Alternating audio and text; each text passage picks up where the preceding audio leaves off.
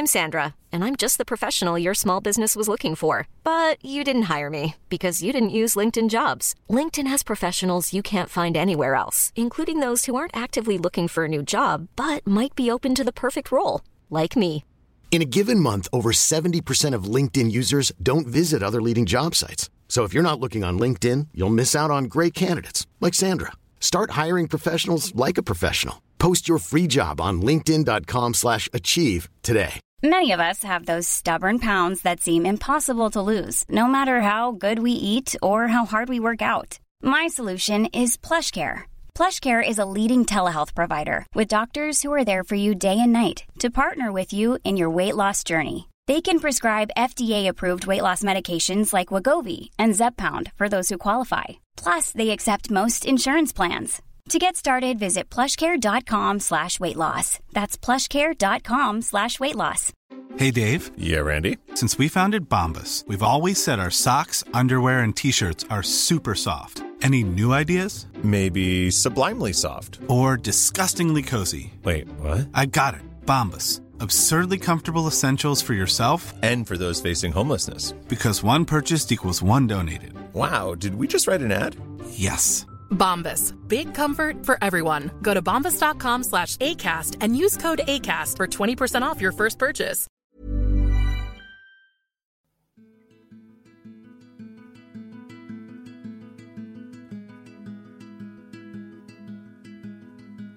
Hej välkomna till podden Sorgsnack med Lea och Jenny.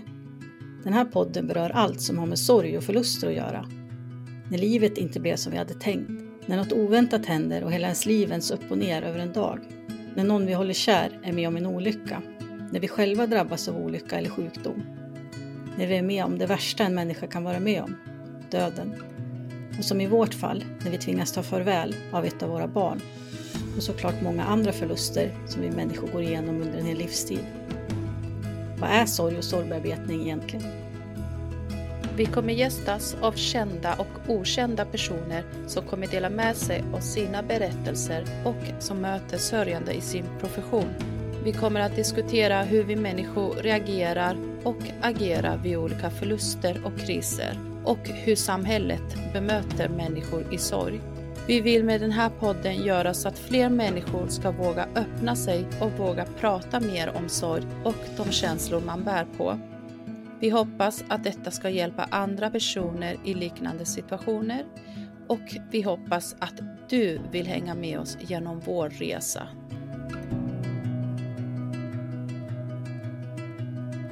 Idag har vi med oss Maria och eh, vi tänker att vi inleder med att du får helt enkelt berätta lite om vad som har hänt, din historia.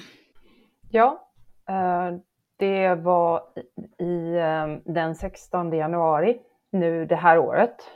Så eh, var det som en vanlig dag. Min, min son Gustav var ute med sin en assistent som är jättebra och som vi gillar, Gustav gillar.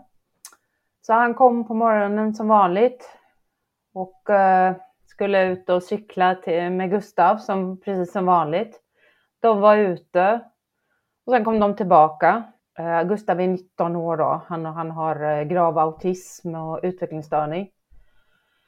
Han åt, han tittade lite på tv, vi, vi duschade honom och tog hand om honom, borstade hans tänder som vi brukar göra på kvällarna och ge honom lite kvällsfika och, och eh, sen så, jag, så, det var skola dagen efter och sådär så att jag tänkte nej men nu vid nio, halv tio så här, nu är det dags att gå och lägga sig. Jag märkte att han var trött också.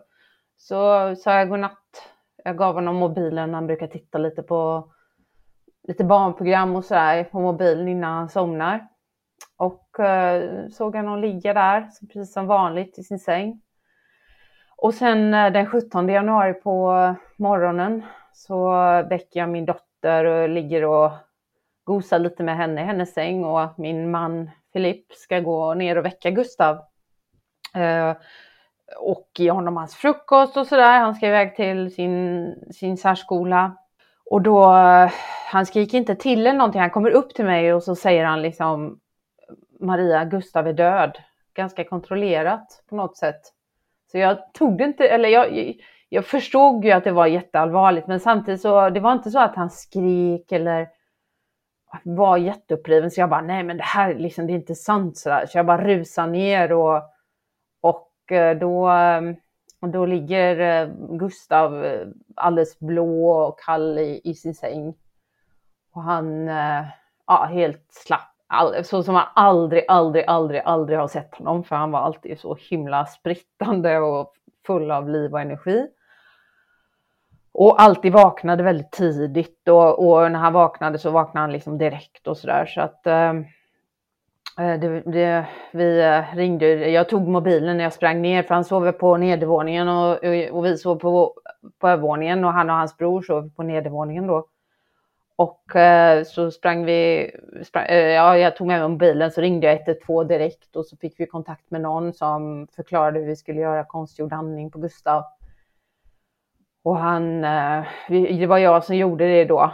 Och jag minns så väl när, man, när jag blåste in luften i hans, eh, eller när jag, när jag blåste in och sen så när man släppte honom då, när man, eller först så, först så, så pumpar man ju på revbenen och sen så blåser man in och, och, och sen liksom så släpper, så kände jag liksom hur hans huvud bara helt, helt slappt bara drogs åt sidan och det kom en jättekonstigt ljud ur hans mun och jag kände gud, han är helt blå liksom. liksom det kändes som att, ja, jag vet inte hur det kändes. Det kändes så otroligt eh, märkligt just då. Och ah, eh, precis några minuter senare, det gick otroligt fort, så var ju ambulans, brandkår, eh, vad var det mer? Det var en präst som kom direkt. Det var någon person som jobbade vid kvarteret som någon räddningsperson. Så det var kanske tio pers som kom in bara plötsligt, rusade in och de tog hand om, om Gustav. Ehm, eh, och de sa att skulle, vi skulle gå ut och så skulle de sätta igång sina hjärtstartare. Eh, och det, det är klart, man, då, då kände man ju liksom någon slags litet hopp och lämna över till någon. Vi, vi hade ju inte fått igång honom, men, men samtidigt så, så insåg nog både jag och min man då att han liksom ja, han, var, han var så blå, så kall eh, när vi hittade honom och han hade kissat i sängen och på något sätt så är det så otroligt ovanligt för Gustav att ja, vara så still. Vi förstod ju liksom att han hade antagligen varit död länge, men man kanske inte ville tro det då. Så hjärte, de här ambulanspersonerna, eh, de höll igång där och försökte. Eh, men efter bara kanske 5-10 minuter så kom det en eh, en läkare som också hörde till ambulansteamet och sa till oss att, att Gustav var död då. Och då ja, det kändes eh, så himla... Det, det var som om allting bara gungade under en och liksom allting bara brast och man förstod ingenting och bara allting rusade runt omkring en på något sätt. Och alla var så himla förstående och snälla när de pratade med en och ja, de gav oss papper papper om, liksom, om vart vi skulle ringa till polisen och, och liksom, det var så mycket folk som gick omkring och man förstod, man var så chockad på något sätt. Min man grät otroligt mycket och Gustav låg då på golvet för han hade ju blivit hjärtstartad och de hade lagt ett täcke över honom och han vi fick liksom vara med honom då i hans rum så han låg på golvet och var alldeles kall och oh, stel och blå. Ja, det var helt, helt galet verkligen. Det, var, det är konstigt att tänka sig tillbaka till den dagen idag. Men ungefär sju, sju, åtta månader sedan nu då. Mm. Det var, det var sån chock liksom att han hade varit så, cyklat sex mil och varit så levande. Han hoppar alltid, hoppade alltid på en stor gymboll i sitt rum suttit och hoppat på den och lyssnat på musik och var precis liksom som han brukar vara och sen så nästa dag så var han bara borta. Så var han bara liksom inte där och han skulle, det, det där att han aldrig skulle komma tillbaka, det är liksom kanske man inte vill ta in, men det förstod man ju på något sätt. Mm. Det var väldigt, väldigt konstigt. Jag tror både jag och min man var ganska mycket i chock liksom. Vi, ja, vi kramades och gick omkring där lite och pratade med olika folk som var i huset och vi tänkte lite på Liv och vi försökte gå upp och prata med henne och då var det två poliser som, för att Liv, vår dotter som är tio år och hon låg ju henne, hon låg i sin säng eh, på övervåningen. Hon skulle ju upp och iväg till skolan och sådär.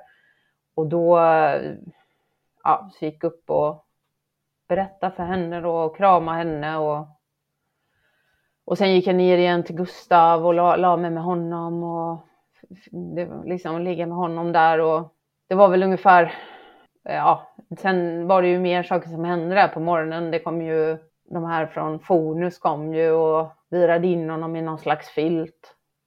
Och så han liksom stoppade om honom eller vad man ska säga. Och, och sen så gick ju ambulanspersonalen sin väg och de så det blev färre och färre. Från att ha varit eh, så mycket folk och tumult så blev det färre och färre folk. Och just det, jag glömde precis ganska, ganska direkt efter det hände, när vi hade fått att han var död, så ringde vi ju. Eh, Gustav skulle till sin skola och han, han hade två assistenter alltid med sig i sin skola. Han, han hade ett eget rum och han hade två assistenter som brydde sig otroligt mycket om honom. Så vi, vi ringde till dem Eh, och, och berättade det här. De blev ju helt upprivna och de bara, vi kommer liksom. Det, var en, de, det är en skola i Landala. Så de satte sig i skolans buss, eh, de assistenterna som jobbade närmast med Gustav. Så de kom också efter en någon timma. Eh, och det, de var kanske fyra personer och det var personer som vi kände och sådär. Så det kändes jättebra att de kom. Men det var också mycket gråt och liksom chock och ja, så det var, det var tumultartat verkligen. Man kände liksom så otroligt oväntat och så chockartat verkligen. Fick ni något svar på vad det var som hände? Ja, till slut fick vi det. In, för först så förklarade de ju för oss att, jag tror det är polisen, när en ung person dör hemma oväntat, då är ju en rättsmedicinsk undersökning som startar. Så då förklarade de för oss att det var polisen som hade hand om hans eh, obduktion eller han, liksom, det var en kontaktperson hos polisen som, vi, som skulle ta kontakt med rättsmedicin och att vi skulle få svar då eh, inom en, ja, två veckor kanske eller en och en halv vecka. Eh, och då skulle de säkerställa att det inte hade varit något våld mot honom då och så. Och eh, så det kändes också så fruktansvärt att han skulle liksom åka där och när han åkte iväg med de här, den här Fonusbilen där på förmiddagen och man kände bara liksom där åker han iväg och han kommer aldrig mer tillbaka liksom och han åker till obduktionen. Man föreställer sig sådana här ja, så som det som man har sett på filmer att det ser ut i en sån obduktionssala liksom. Man kände, herregud liksom. Så det var, det var verkligen svårt. Men det, jag tycker det var någonstans i det här så var det ändå skönt att vi fick liksom, vi fick mycket tid med honom. Inte mycket, men vi fick kanske en 45 minuter, en timma. När vi ändå fick vara med honom i samma rum när han var död och han liksom, vi fick sitta med honom och krama honom och liksom på något sätt se honom ungefär så som han såg ut. Han såg inte så annorlunda ut. Han var ju lite blå och liksom klart att han var väldigt annorlunda, men han hade ju inte förändrats så mycket, för han hade ju bara varit död kanske några timmar eller vi vet inte exakt hur länge han hade varit död. Men eh, efter i alla fall två veckor eller en och en halv vecka så fick vi tag i, så fick vi besked från obduktionen då att det inte var något våld mot att han, de hade inte kunnat observera att han hade fått någon förgiftning eller våld eller drog, ja, liksom ingenting så, så att då kunde vi gå vidare och begrava honom. Och, eh, och det var mm, i, i den här fruktansvärda situationen en slags lättnad just när vi fick det där beskedet för att då eh, kunde vi, min man Filip, han är från Frankrike, så hans släktingar i Frankrike begraver dem väldigt snabbt efter de har avlidit. Så de ringde ju direkt och sa när, han hade, när vi berättade då den 17 januari att ja, vi kommer liksom. Och vi bara vänta, vänta. Så de, de ville ju liksom boka sina biljetter och de ringde, vi ringde dem och vi, hörde, liksom, vi hördes mycket och det var skönt när vi äntligen kunde liksom på något sätt, okej okay, nu kan vi gå vidare och bestämma ett datum för begravning. Det kändes i, ah, konstigt positivt i den här jobbiga situationen. Mm. Men i alla fall det som framkom sen eh, efter mycket om och men, det var ju i maj eller någonting som jag fick den dödsorsakutredningen, eh, eh, då, det var ju att de hade uteslutit allt det var inte någonting med hjärtat, ingenting med lungorna, ingenting, inga sjukdomar, ingenting, utan att han hade dött som, till följd av sin epilepsi. Han hade fått epilepsi diagnostiserat i oktober 2021. Då hade han haft två sådana här toniskt kloniska anfall, sådana här stora gamallanfall. Och då får man diagnosen, man får medicin. Och ehm, ja, vi hade, mm, han hade fått den diagnosen helt enkelt. Så att vi, vi var ju medvetna om att han hade den diagnosen och så, men vi hade inte, de, de informerar inte om det här plötslig död epilepsi därför att det är så otroligt ovanligt. Eh, på engelska kallas det SUDEP, Sudden Unexpected Death in Epilepsia. Och det är ungefär en av tusen, kanske lite mer, 1,2 av tusen som har epilepsi som dör av det här varje år. Så det är ändå, mm, ja, så efter några, jag tror den första veckan så tog vi kontakt med hans neurolog som Filip hade träffat bara en gång eftersom vi, han hade ju haft diagnosen bara några månader. Så sa hon ju det att ja, det här är liksom, det, det är SUDEP då och det är liksom, eller hon trodde det, hon visste ju inte för obduktionen var inte klar och att hon, hon berättade att det, det, finns en policy eh, hos neurologer i Sverige då att man inte berättar om SUDEP därför att föräldrar tenderar att de vill inte liksom oroa eh, för mycket därför att eh, vet föräldrar att barnen eller unga vuxna eller vuxna kan avlida av epilepsi på natten då eh, blir, ja, då kan det ju skapa väldigt mycket oro och sådär. Det var, det var hennes förklaring och det är det jag läst också sen. Men samtidigt när man väl råkar ut för det här så blir man ju ganska irriterad och upprörd att man inte har fått reda på den risken som fanns. Det tycker jag verkligen och det är många med mig som liksom har, har haft den här dödsorsaken hos sina nära och kära. Att liksom, om vi hade vetat att det fanns den här risken, då skulle man ju vidtagit andra typer av åtgärder på något sätt. Man skulle kanske inte, man skulle låtit honom sova närmare oss eller man skulle liksom kanske haft ett larm eller man, det finns ju larm liksom och baby watch eller ja, man kanske, man skulle ha tänkt på ett annat sätt. Så det, det, det tyckte jag var nu efterhand när jag gått med i sådana här intresse grupper och så på Facebook för, för Sudep och det här andra som har mm, ja, förlorat eh, sina barn i Sudep. Då, mm, då försöker de att skapa medvetenhet kring Sudep. Eh, och, och, att det faktiskt är någonting som kan hända om du har epilepsi och att man måste vara medveten om det. Och sen, det ska inte komma som en överraskning när man väl har förlorat sin ungdom. Eller, för att Gustav dessutom Gustav var ju en väldigt speciell person. Han, eh, han hade autism, grav autism från barndomen. Han hade inte så mycket tal, han hade lite tal men inte, inte direkt något kommunikativt tal. Han hade utvecklingsstörning, måttlig utvecklingsstörning. Han hade ADHD och Tourettes. Eh, och eh, han kunde ju inte berätta för mig om han hade kanske eller för min man om han mådde dåligt dagen innan till exempel, att han hade någon känning eller han kände sig trött eller någonting. Det var ingenting som han kunde framföra på no eh, till oss.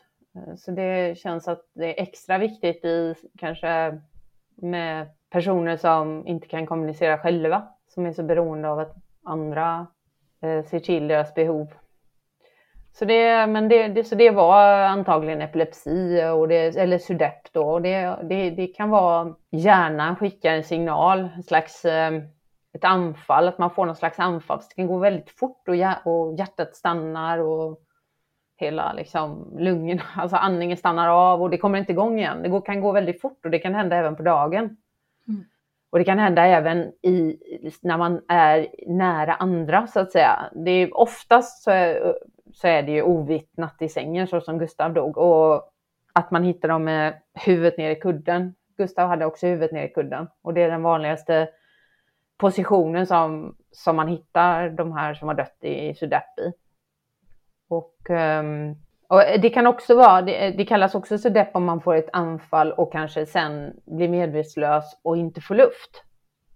Så det, kan, det, det, det, går under samma kategori, liksom, att man dör. Det är liksom inget våld, inte någon drunkning, inte så att man ramlar och slår huvudet, utan det är i sängen så att säga. Då kallas det SUDEP. Ja, så att, eh, och det, det känns ju också så här, ja, otroligt frustrerande att inte liksom ha riktigt varit medveten om de riskerna. Ja, för man är ju medveten om riskerna på dagen och vi tänkte ju att Gustav, han har assistenter, han har assistenter både i skolan och hemma. Och annars är han ju med mig eller Filip, eller liksom det är alltid människor runt omkring honom och han ramlar han och får ett anfall, då, då finns det alltid någon där på något sätt. Då resonerade vi att han är ganska säker, han är ganska trygg tänkte vi. Mm. Eh, men eh, men det, det var han inte, utan han, han liksom, det kändes så otroligt ah, hemskt att han på något sätt dog när vi låg och sov på övervåningen. Att han försvann då. Vi var där, vi hade kunnat hjälpa honom. Kan, eller det, det kanske vi inte hade, men ja, vi, kanske, vi, vi, vi var ju nära liksom. Eh, och det var en natt när jag inte riktigt kunde sova. Jag gick upp, släppte in katten och höll på liksom. Och jag tänkte jag hade bara kunnat gå ner liksom. Men det är inte säkert att jag hade kommit i vid rätt tillfälle heller. Men det, ja, det kändes så jäkla frustrerande liksom att det bara var som det kanske gick på några minuter och det var helt tyst för min son, min andra son låg ju och sov ganska nära honom ändå. Och han hade ju inte hört någonting. Och jag hade inte hört någonting. Så det var, och han, när vi hittade honom så hittade vi honom ganska lugnt i sängen. Det såg inte ut som att han hade haft ett stort anfall. Det var en vattenflaska bredvid sängen. Mobilen han hade tittat på låg liksom ordnat på hans nattduksbord. Han, hans täcke var liksom ordnat. Så det var inte så att hans... Eh, han hade liksom rört sig och kränkt hit och dit och så som det kan vara när man får ett sådant anfall. Utan det, det måste, tröst, vi tröstar oss med det och vi, att det kan ha gått ganska fridfullt till ändå. Mm. Den här, eh, när han gick bort, att det, antagligen så var han inte medveten själv om det. Han var, det var, var nog väldigt, var ingen kamp så. I alla fall inte vad vi såg liksom på hans ansikte eller på hans eh, täcke eller någonting. Det känns ju väldigt märkligt att man liksom på något sätt försöker mörka det här från liksom läkarvårdens sida. Mm. Men vet du om det är så i andra länder också? Ja, det, det är det. det ofta så börjar de prata om SUDEP om de inte kan om, om individer har en epilepsi där de inte kan få bukt med eh, anfallen. Mm. Eh, då, när anfallen kommer och kommer och kommer trots medicin och allting, då, då, då kanske de börjar prata om det. Men neurologen sa att de skulle ge ut en broschyr nu där det skulle stå om SUDEP. Men jag kan tycka att men när man lär sig köra bil så säger ju alla föräldrar, bilskolor, liksom att det finns en risk. Det är ovanligt att få bilolyckor, men det finns en risk liksom. Och eh, jag kan tycka att bara att, att ha den vetskapen att det är ovanligt, det är otroligt ovanligt med SUDEP, plötslig död epilepsi. Men eh, det, är liksom, det, det, finns en risk och särskilt när du har utvecklingsstörning och eh, som Gustav eh, hade då så finns det en, en, faktiskt en förhöjd risk. Eh, och, eh, ja, jag tycker faktiskt att man borde säga det och i eh, Storbritannien och USA så är det ju många familjer som har drabbats av det här som jobbar med medvetandegöra det här och de har mycket sån medvetandegörande kampanjer och det finns en, en organisation som heter, eller flera som jobbar med SUDEP och sprider kunskap om det här och jobbar mot eh, läkarvården för att det ska, för att eh, man ska få reda på riskerna.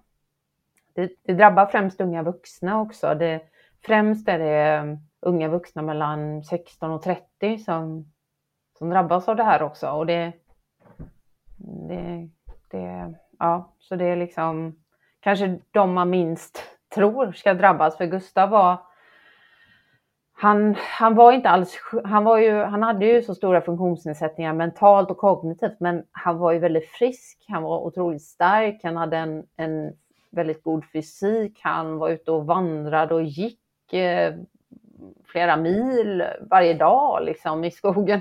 Det var, han, var, han var liksom våran sportiga Gustav som, aldrig, som alltid var liksom på språng. Så vi, vi hade inte en enda misstanke om att det här skulle kunna hända. Vi, vi var helt liksom, det slog ner som en blixt verkligen det här. Det var så, så oväntat för oss att vi tänkte Gustav klarar allt. Liksom. Han kommer ha problem i livet och liksom, vi visste precis vad hans eh, svagheter låg. Liksom, att, eh, ja, men problem med kommunikation och känsloreglering och allt det här och impulsivitet. Men vi tänkte liksom, han kommer inte ha problem med fysiken, han kommer inte ha problem med liksom, ja, vi var inte rädda så, han var inte alls, när han var sjuk så blev han frisk alltid jättesnabbt. Ja, man, man blev verkligen slagen till marken att det, att det kunde hända.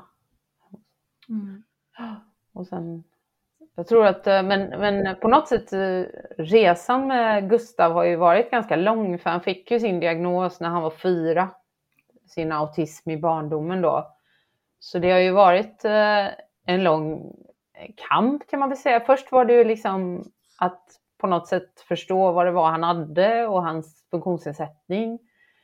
Och sen började liksom kampen för att han skulle få ändå en utbildning. Eh, och vi bodde i Frankrike några år och var där och försökte hjälpa honom. Hans pappa är ju fransk. Och lärde honom franska och han fick mycket hjälp där och stred liksom för att han skulle få rätt till skolgång. Och sen kom vi till Sverige och ja, men kämpa för att han skulle ha det bra och för att han skulle lära sig någonting och gå framåt och utvecklas och ha en bra fritid och, och få mm, rätt medicinsk hjälp. Och det var mycket kontakter som man har haft under åren som jag hade också kring Gustav. En, en annan, en vanlig 19-åring kanske föräldrarna börjar liksom släppa på ganska mycket sådär. De, de lever sitt eget liv lite.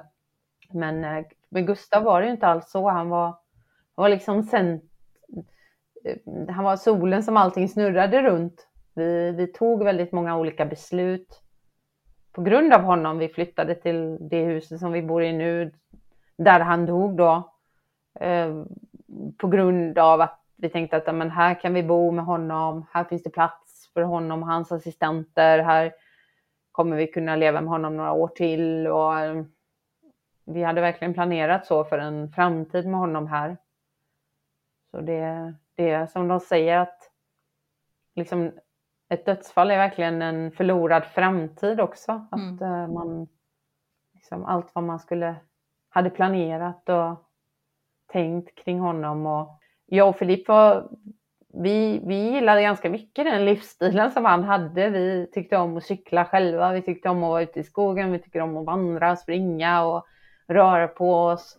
Så han hade ju assistenter också som gjorde det här med honom, men vi, när vi fick göra det ibland och på somrarna eller när han inte hade någon assistent, då tyckte vi bara det var roligt och härligt.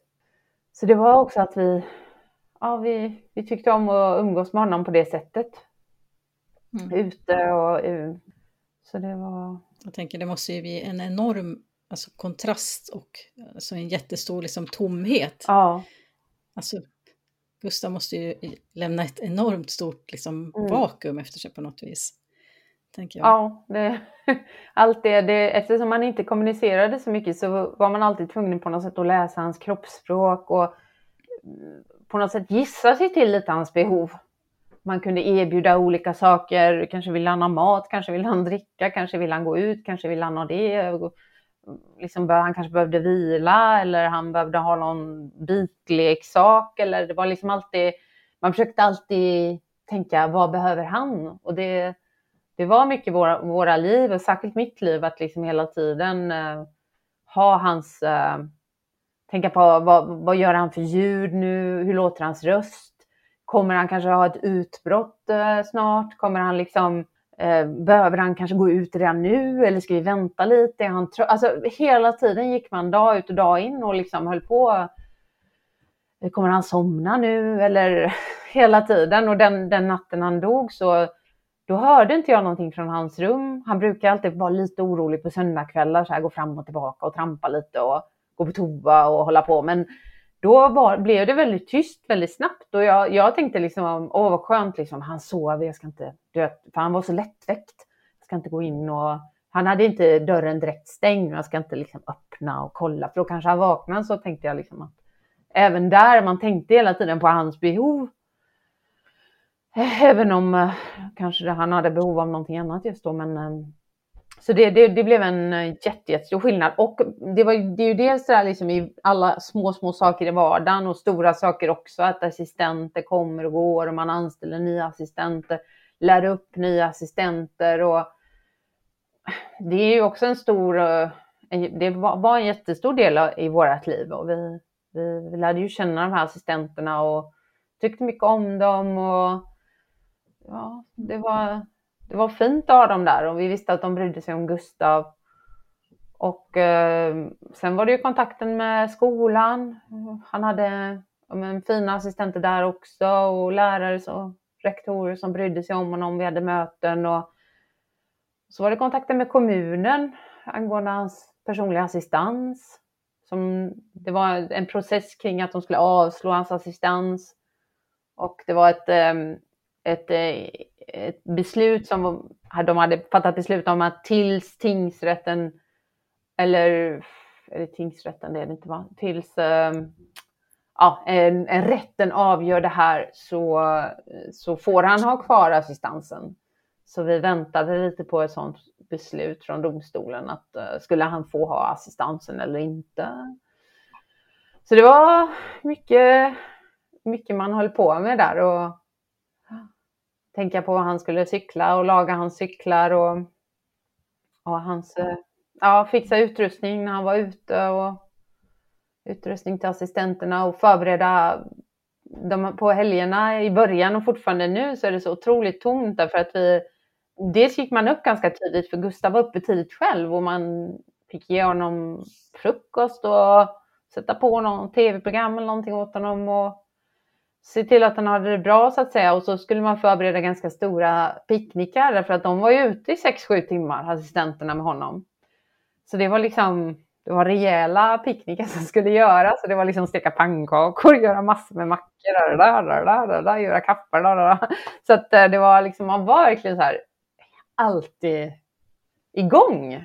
Och det var jättekonstigt när man satt där i början och bara, det var sån extrem tomhet. Man kände sig som en som är helt, ja, man, jag visste inte vad jag skulle göra av mig själv liksom. Jag var bara tvungen ut, ut och gå. Det var, jag hade läst i någon bok om sorg. Om, gå ut och gå bara. Om du känner att du inte klarar av sorgen, gå ut liksom. Så det var, vi, bor ju, vi bosatte oss väldigt nära ett sånt stort naturreservat. Så då gick jag ju bara dit och gick och gick och gick och gick liksom. Och då fick jag ur, ur med lite energi. Så det, ja, det var det, var sån, det är fortfarande jättestor tomhet faktiskt, men det, det var ju på ett sätt var det ju värre. Ja, det var ju värre i början naturligtvis. Det var ju så extremt. Jag har hört liksom, människor på eran podd och andra poddar berätta att liksom, man inser ju, ju mer tiden går att ja, det är så här liksom. Man har kanske någon form av hopp att någonting ska hända så här i början liksom. Tror, har sådana här magiskt tänkande, men det, det är som man inser att ja, det nya livet det här liksom. Det är bara att försöka och mm. ta ett steg i taget. Men jag tror att eh, lite tack vare Gustavs, den historien vi hade med Gustav och hans funktionsnedsättningar, att, eh, och vi har flyttat en del med honom fram och tillbaka från Först bodde vi upp, utanför Uppsala och sen flyttade vi till Frankrike och sen flyttade vi tillbaka till Göteborg. Och eh, jag har gjort att man har blivit ganska liksom proaktiv om man säger så. Att eh, man, eh, om man har ett problem, det som vi hade med honom då, han fick ju liksom, när han fick sin utvecklingsstörningsdiagnos, då tog man kontakt med Föreningen för utvecklingsstörda barn och unga. När han fick liksom, man försökte liksom att hela tiden söka upp intresseorganisationer, hjälp, stöd. Att som förälder till en, ett funktionsnedsatt barn så är man lite programmerad att vara sådär. Att man, man vet att ingenting kommer till en. Även om man blev ganska chockad att det var så lite hjälp som det var ändå när det här drabbade en. Men, men liksom att, så att jag redan tror jag två, tre dagar efter det hade hänt så jag tror Filipp och jag hade, var i ett slags chocktillstånd. Vi var liksom inte, vi låg inte ner så mycket liksom under dagen utan vi var igång och Filipp skulle hela tiden göra kaffe till mig. Jag vill ha kaffe, vill ha kaffe? Och vi var handla och vi var liksom, vi var liksom helt eh, fulla av adrenalin på något konstigt sätt. Vi, vi lagade middag och liksom, vi, vi kunde inte... Jag vet inte, vi var... Tror, vi försökte bara hålla oss flytande på något sätt. Och då, men i alla fall, då, då tog jag kontakt med Vi som har förlorat barn, den föreningen som jag gjorde att jag upptäckte er podd och så. Och eh, då, då fick jag tala med en person där, eller, som jobbade som kontaktperson där i föreningen och efter bara, jag tror det var efter tre, fyra dagar så fick jag prata med henne på telefon. Och det var, ja, det var så himla skönt. Man kände liksom, det var som att, ja, man kände, gud, jag är inte ensam. För det är verkligen en känsla man har där i början, att när man ska berätta för alla och alla är så chockade och man känner sig så ensam verkligen.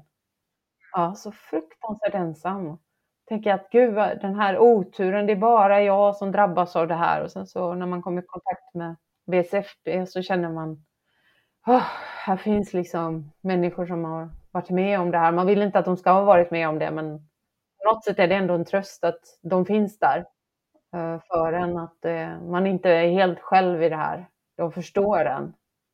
Ja, men verkligen. Ja, jag tyckte det var jättefint och få prata med dem. Och Filippe, min, min man, han gick, då såg jag att det var en pappaträff precis liksom det datumet.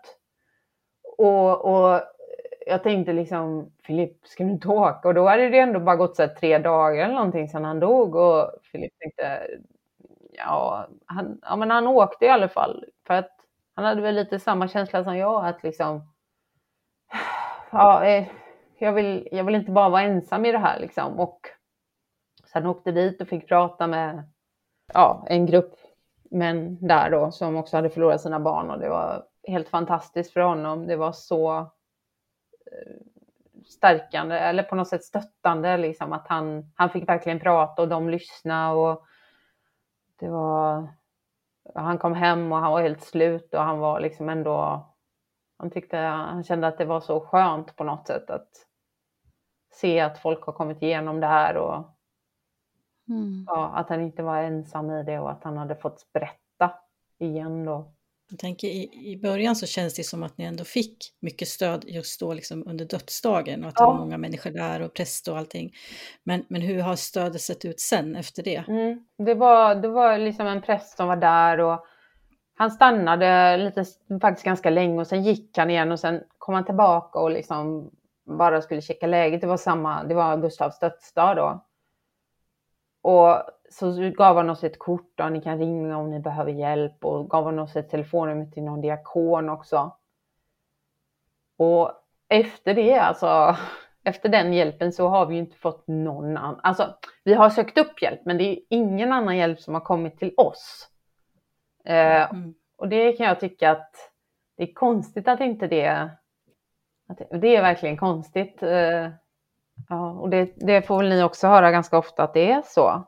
Det inte finns någon mm, beredskap mm, alls. Liksom. Det... Och, man, och man lever ju i någon sorts tro om att det ska ja. finnas ett skyddsnät som kommer. För det, jag vet ju, jag låg ju här i flera dagar och bara, men, men varför är det ingen som ringer? Varför ja. är det ingen som kommer? Varför hör de inte av sig? Ja, och det är så konstigt att man, på något sätt, vi har ju ett ganska sekulärt samhälle där man ska klara sig själv och man ska inte vara så beroende av andra och inte av sin familj och sådär.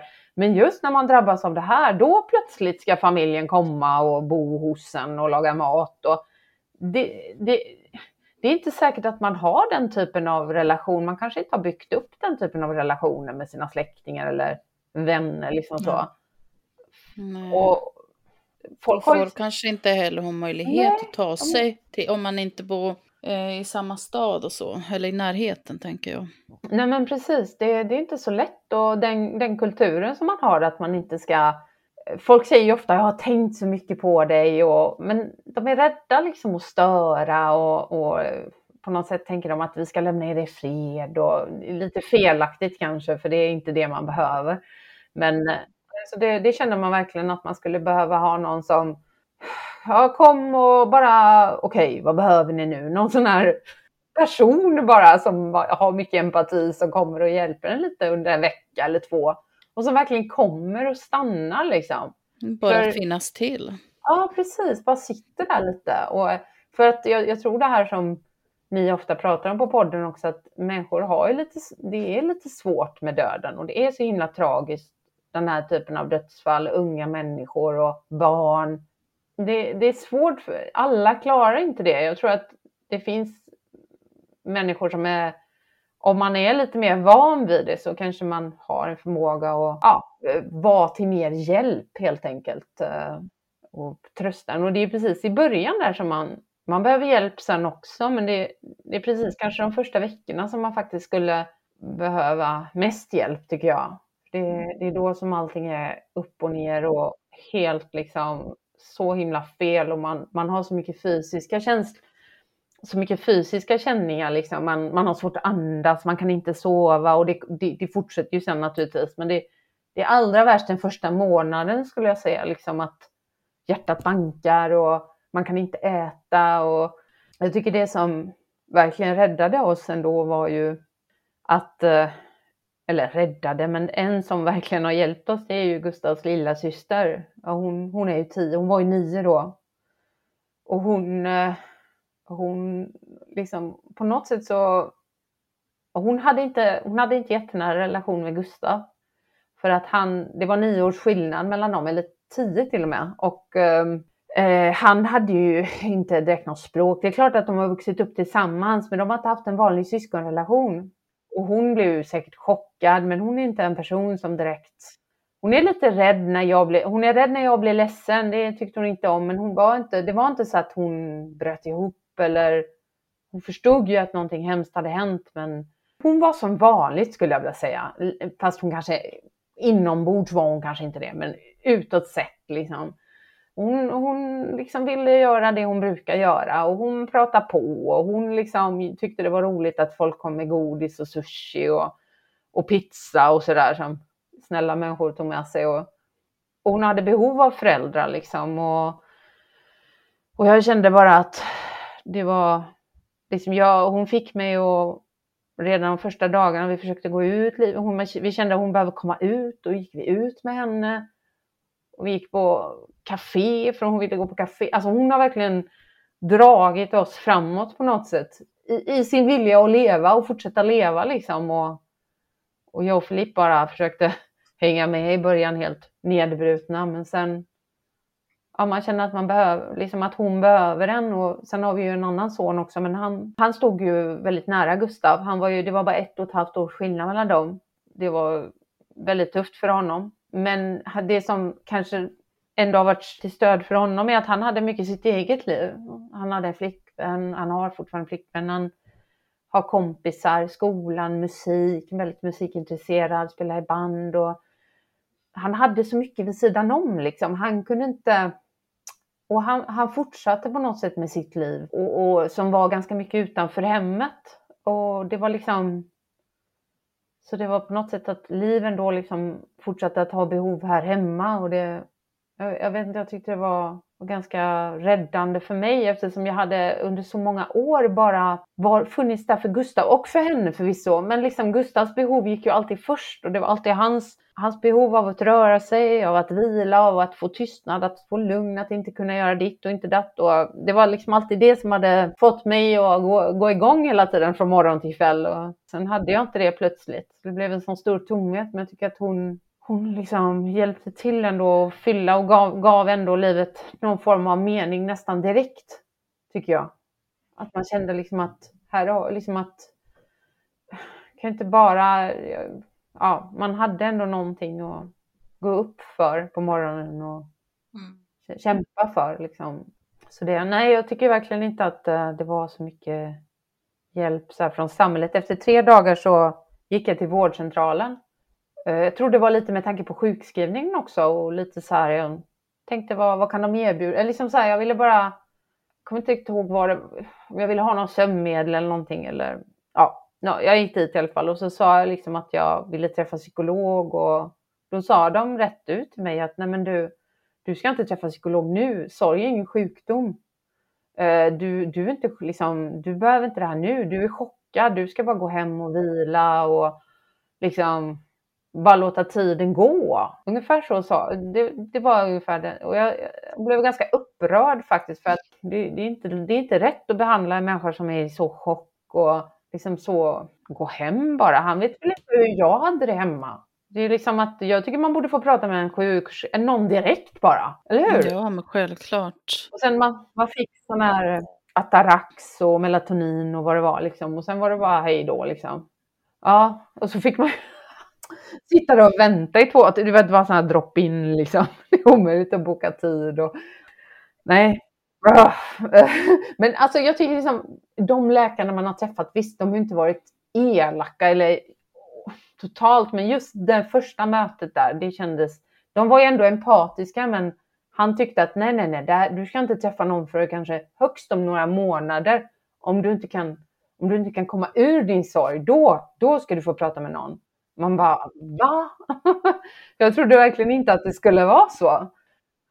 Och sen träffade vi, vi ringde upp um, en diakon då och så träffade vi henne. Och, och då fick man ju så här, ah, vad var det för nummer liksom på den där lappen? Och så fick man ringa och boka tid och så här. Ibland fattar man inte hur man orkar det liksom. Det, man är ju helt nedbruten. Mm. Man mår ju så dåligt så det är inte sant och ändå gör man det. Man ska ju och, inte orka egentligen, det är ju inte nej, det. Man, nej, precis. Egentligen man ska låta någon annan göra det där.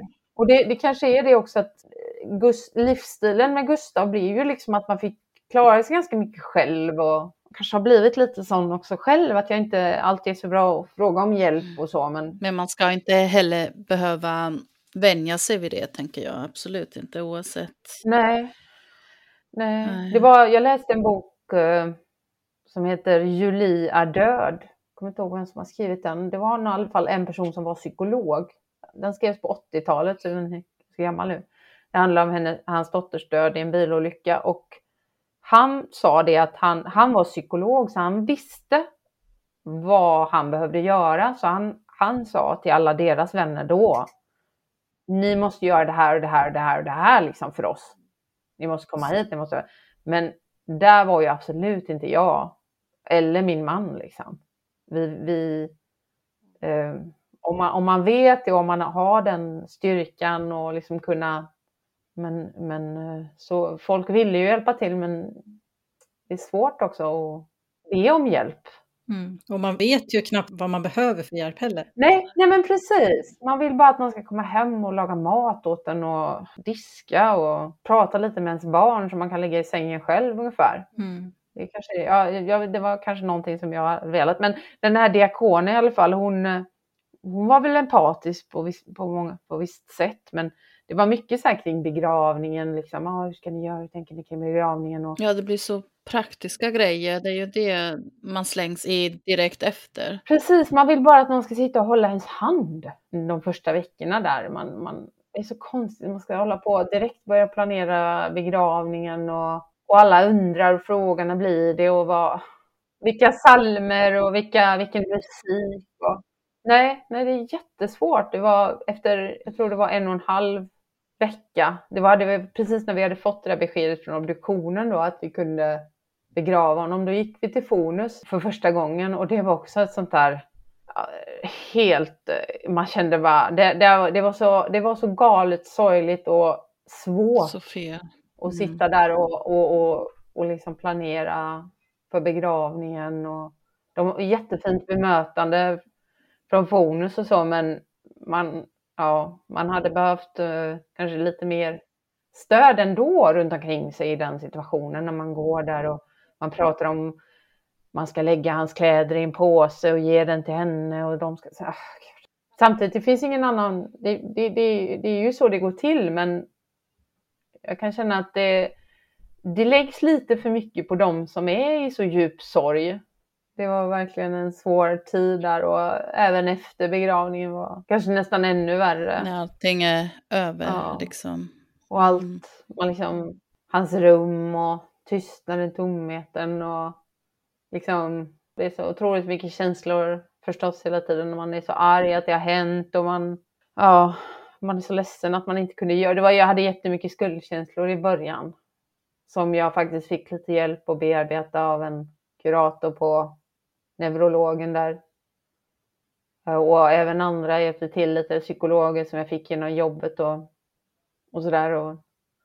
Fortfarande kan det ju vara så att man tänker sådana tankar, men det var värre i början att man kände liksom att om jag hade kommit in, om jag hade gjort det, om jag hade kunnat förstå vad han mena om jag hade varit där, om, jag hade, om vi hade åkt eh, till liksom, vi hade tänkt, jag hade tänkt något två veckor innan och föreslagit för assistenten att vi skulle åka långfärdsskidor med Gustav den söndagen i Ulricehamn och då tänkte jag, tänk om jag hade åkt liksom långfärdsskidor, då kanske han hade fått anfallet i bilen istället och ja, ni vet, jada jada hela tiden liksom sådär fram och tillbaka. Men det var många som tröstade mig där och sa kloka saker, typ att liksom Maria, du, du är ingen läkare liksom. Du, du visste inte det här. Du, du kunde inte veta liksom och på något sätt tröstade att, ja, att han hade liksom han, att vi, vi, hade, vi hade ju försökt att göra väldigt mycket för honom, liksom att skaffa personlig assistans och jag hade lyckats hitta väldigt fina assistenter till honom som verkligen fick honom att utvecklas rent sportsligt och som liksom var riktigt sportiga själva och orkade vara med honom hela dagarna ute och så att det kändes som att människorna som var runt omkring honom precis när han dog, liksom det, de, de var ju väldigt fina, men det, det är en klen tröst på något sätt. Men det, det, känns ändå i alla fall bra. Men... Jag brukar tänk, tänka så här ibland att det, om vi hade vetat, då fanns det ju ingenting som vi inte skulle ha gjort Nej. för att förhindra det. Precis, då skulle det inte ha hänt. Nej. Men nu hände det. Ja, mm. precis. Det, eller antagligen, det kanske kunde ha hänt ändå. Men eh, jag tycker VSFB hjälpte ju faktiskt. Jag var ju på lite sådana mammagruppsträffar under våren och det tyckte jag var väldigt skönt att få prata med andra och jag fick även numret till en, en annan mamma som hade haft en funktionsnedsatt son som hade dött i Sudep också då. Så det var liksom sådana små kontakter tycker jag har betytt mycket. Mm. Det gör ju det. det. Framförallt kan jag tänka mig i ditt fall då att hitta någon annan som vet exakt vad, vad du eller ni går igenom i och med att det är ju ändå så pass ovanligt som du nämnde, det här med sudept. Mm. Eh, för jag kände ju själv att ja, ganska ovanligt ändå det här med just den här diagnosen som Alexis hade, det här allvarliga hjärtfelet. Så när jag väl sen hittade andra föräldrar som också hade haft barn med exakt samma hjärtfel, på något sätt så kändes det ändå, ja men skönt, kanske fel ord att säga egentligen, men att men det här är verkligen någon som förstår mig 100% fullt ut. Mm. Och att jag är inte ensam i världen om det här. Nej, bara någon vecka efter så läste jag om en annan förälder som hade förlorat sitt barn i SUDEP och fick lite information. Vi visste ju inte då om det var SUDEP, men så jag hade ju mycket, googlade ju som en galning de där första månaderna vad det kunde varit. Lungemboli och allt som jag trodde hjärtstopp och så, men då, ja, jag fick lite kontakt med de andra mammorna i gruppen om, som också hade förlorat epilepsi och liksom det kändes det kändes bra att veta att eh, det här händer, för man kände sig så drabbad också. Liksom att först får man ett barn som har autism, är kanske inte så ovanligt, men att ha ändå ganska svår autism som Gustav hade, plus andra diagnoser och sen det här också. Det känns som, som min son sa, att liksom det känns som att det är så otroligt liksom det som har drabbat Gustav. Först får de här diagnoserna och sen dö i det här otroligt ovanliga. Mm. Och man bara, ja. Ja, men det är ju det. Alltså det är ju som du säger att bara få en son eller ett barn som kanske föds med någon sjukdom eller diagnos. Ja. Det är ju också en jättestor sorg att det inte blev som man hade tänkt sig. Bara där, alltså där börjar ju egentligen er resan redan då.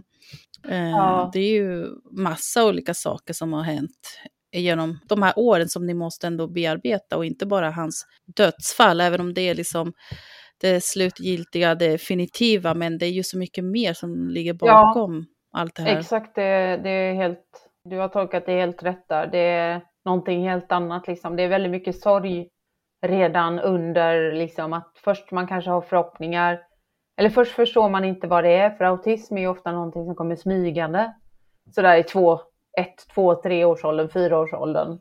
Man tror att man har fått ett vanligt barn, men sen har man inte det. Så får han autistdiagnosen så börjar man informera sig som en galning om det.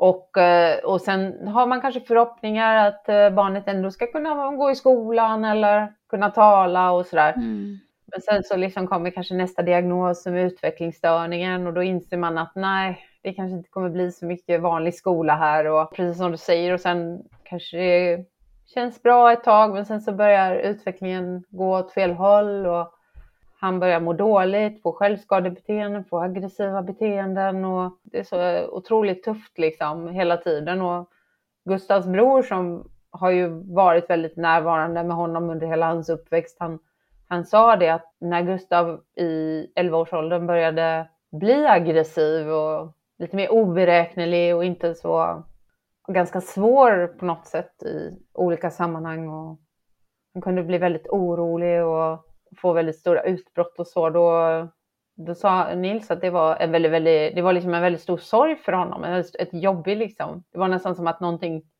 dog i honom kring Gustav redan då på något sätt. Att det var så tufft liksom, att han kan, kunde vara rädd för Gustav och, och sådär. Även om, precis som ni säger, det här döden är så otroligt definitiv och hela Gustavs liv har jag alltid försökt att man har alltid försökt att göra saker och ting bättre. Det är alltid någon man kan mejla, det är alltid någon mer information man kan uppsöka, någon läkare man kan kontakta, någon förening. Men på något sätt när han dog så var det som att ah, jag blev som förstenad. Liksom. Jag kan inte göra någonting mer. Ingenting. Liksom. Och det, det, den där maktlösheten tror jag alla känner. Ja, som, den är hemsk. Ja, vars mm. barn har dött. Ja, det är liksom... ja, man vill ju göra allt för sitt barn, så är det ju. Ja, man vill ju alltid det på något sätt och så kan man inte göra någonting och det är så frustrerande. Det är så fruktansvärt jobbigt liksom. Man känner att, nästan som man har fantomsmärtor. Man vill liksom mm. gå, göra, bara. Men sen är det klart att vissa saker liksom vi hade ju vant oss på något sätt och jag tror att alla syskon, eller syskonen hade också vant sig vid att Gustav var där. Och, och livsstilen kring honom och sådär. Och sen vissa saker kan ju liksom, har vi ändå kunnat göra nu som vi kanske inte kunde innan. Men det, det blir ju lite, psykologerna brukar säga att du får inte känna skuld liksom när vi kan åka på en resa till exempel. Mm. Men det, det är svårt också. Man känner liksom, man vill bara, även om man njuter, vi var på en jättefin resa i Grekland i juni, liksom, så det enda man vill är ändå bara vrida klockan tillbaka på något sätt. Och man, skulle inte byta ut det för någonting liksom. Det, Nej. Men, Såklart. Ja. Men apropå det, nu har ju det gått här första sommaren för er. Mm. Hur har det varit kopplat till sorgen? För det kan ju trigga igång många känslor såklart. Ja, men det är ju lite så när man får mycket tid tycker jag. På helgerna, jag, jag trivs ganska bra på mitt jobb och de, liksom, man kan prata mycket där och prata med kollegor och jag jobbar med ungdomar, prata med dem och hjälpa dem och sådär. Men det är när man kommer, just lugnet, tystnaden, det är så himla svårt.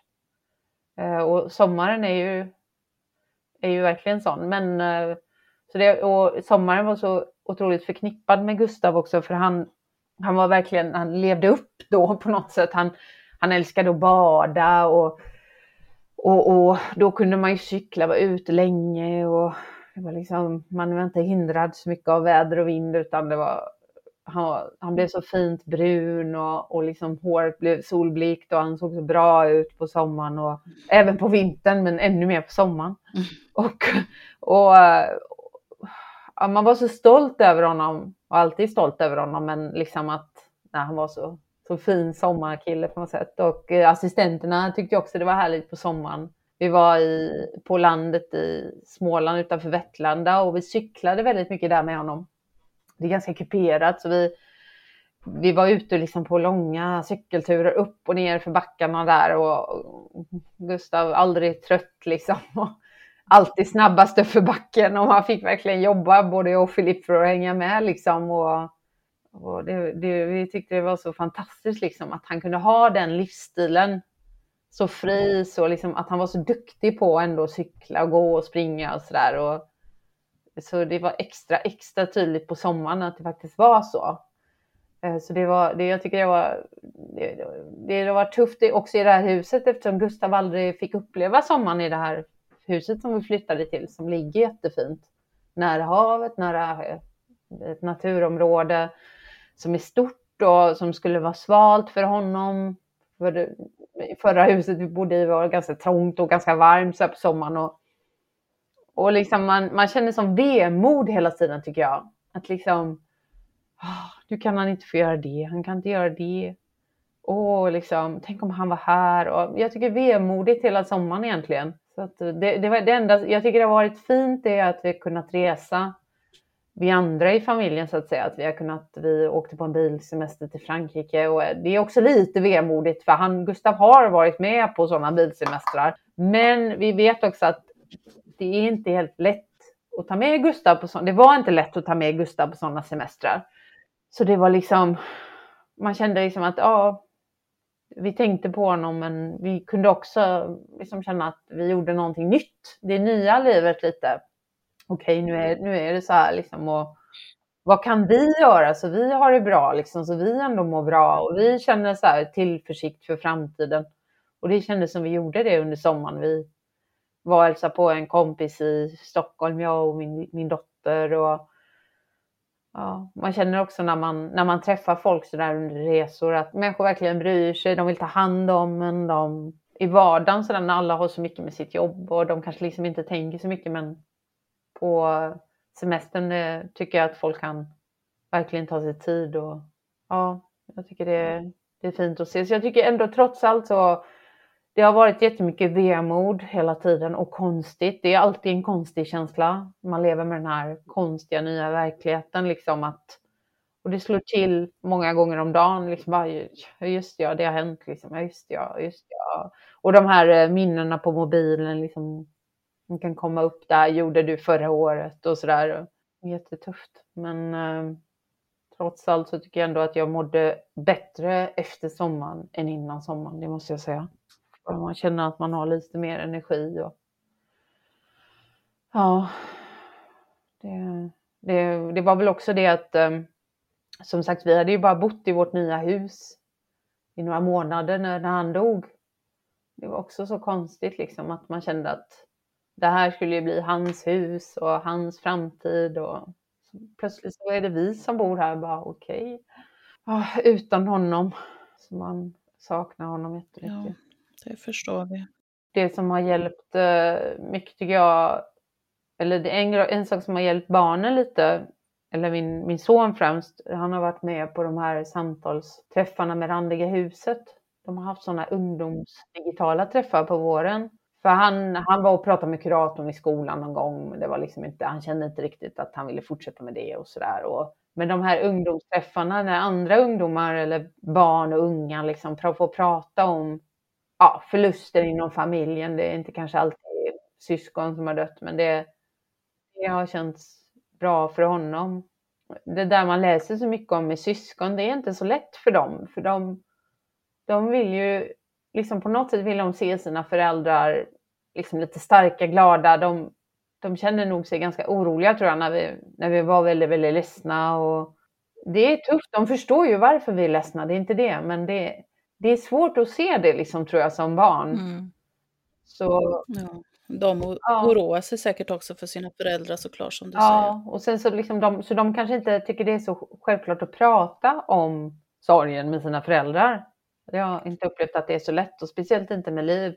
Men då, igår var vi på en sån familjeträff med Randiga huset och då tyckte jag att det var liksom, ja men då fick hon möjlighet att göra någon liten minnestavla och mm. Det kändes jättefint liksom att man, man faktiskt tar sig tid och, och minnas. För det, det, det har jag känt också att tillvaron liksom, det rullar på ganska mycket ändå. Liksom. Eh, man har jobb, man, man liksom, den, vardagen och nu känns det nästan att man måste på något sätt planera in minnesstunder. För man har, liksom, jag, jag tycker jag har sorgen mycket in, inne i mina tankar hela tiden. Men det är liksom inte, den får liksom kanske inte så utlopp på samma sätt att man sitter och gråter med någon kollega på jobbet eller det är liksom inte, den, den, den, är, den blir mer, mer, privat kan jag tycka nu efter åtta månader. Sådär. Nu känns det så att jag har kommit till den fasen, jag vill prata mer om Gustav än jag vill prata om mig själv och mina känslor. Jag vill prata mer om honom på något sätt. I början var det mycket liksom, hur känner jag, hur känner jag, hur känner jag, varför, varför, varför, varför och sådär. Men nu, nu känns det som att eh, man, vill, man vill gärna prata med sådana som har känt Gustav och som på något sätt har delat den där verkligheten som var ju väldigt speciell. Han, han hade ju inget vanligt liv, Gustav. Han hade ju inte, han hade inga vänner till exempel. Han kunde inte riktigt ha den typen av relationer. Så då blir liksom de här assistenterna, de, de blir lite människor som har varit nära honom väldigt mycket. Mm. Lite hans kompisar på ett sätt, fast ändå inte. Men, Nej, men de blir ju viktiga, ja. både för honom och för er. De blir viktiga, ja. Så jag tycker det, de, de, jag har lyssnat på en del avsnitt av era poddar och lyssnade till exempel på den här killen, mannen som hade förlorat sin son i en bilolycka utanför Vettlanda. Mm. Ja, det, och det liksom, ja det hjälper, jag vet inte, liksom, man känner igen sig så mycket på något sätt de här känslorna och det är så det känns så bra på något sätt, även om jag önskar att det aldrig hade hänt förstås. Men det, jag vet inte, det känns mm. fint och liksom man känner det just det här, det här som ni försöker göra, att man försöker prata om, om döden och liksom att det och livet och sorgen och livet efter och, och dela det här. Liksom, det gör att man, jag tycker det gör att man, man tar små steg framåt, sen kanske man går bakåt igen och sen tar man små steg framåt och man man jämför sig lite med andra och sen så tänker man hur man själv vill ha det och det, det är väldigt bra tycker jag att man att, att prata om det så här och mm. det blir mer personligt än på kanske Facebook där folk skriver och lägger det blir också personligt men på ett annat sätt. Mm. Jag tycker man, man möter folk lite närmare och, och känner igen sig mer. Så det, det tycker jag är jättefint att ni gör det. Ja, tack. Ja, tack. jag kände bara att eh, också att det är skönt att få berätta från början till slut så här och gå tillbaka lite, för det, det gör man inte så ofta längre. Nej, men det är viktigt också. Ja. Mm. Och få, få gå tillbaka till den dagen och, och så där som, som man har fått göra nu. Att det, mm. Och de första veckorna och hur det var. Och då, för då får man också lite perspektiv på det, hur det är nu. Och, Ja, vi behöver ju alla få prata om det vi ja. har varit med om också. Oavsett hur lång tid det har gått så behöver vi få, som du säger, gå tillbaka, reflektera lite vad som har hänt, prata om det, prata om hur man kände då, ja. hur man känner nu och ja, vad som har hänt däremellan. Ja. ja, vi behöver alla få kommunicera och få sätta ord ja. på våra känslor. Oavsett vad man har gått igenom, det behöver inte nödvändigtvis ja. handla just om dödsfall, men oavsett svåra förluster, trauman. Ja, men eh, Maria, tack mm. så jätte, jättemycket för att du ville gästa oss och berätta om din och Gustavs historia. Och tack för alla dina kloka ord. Ja, stort tack. Tack, tack till er.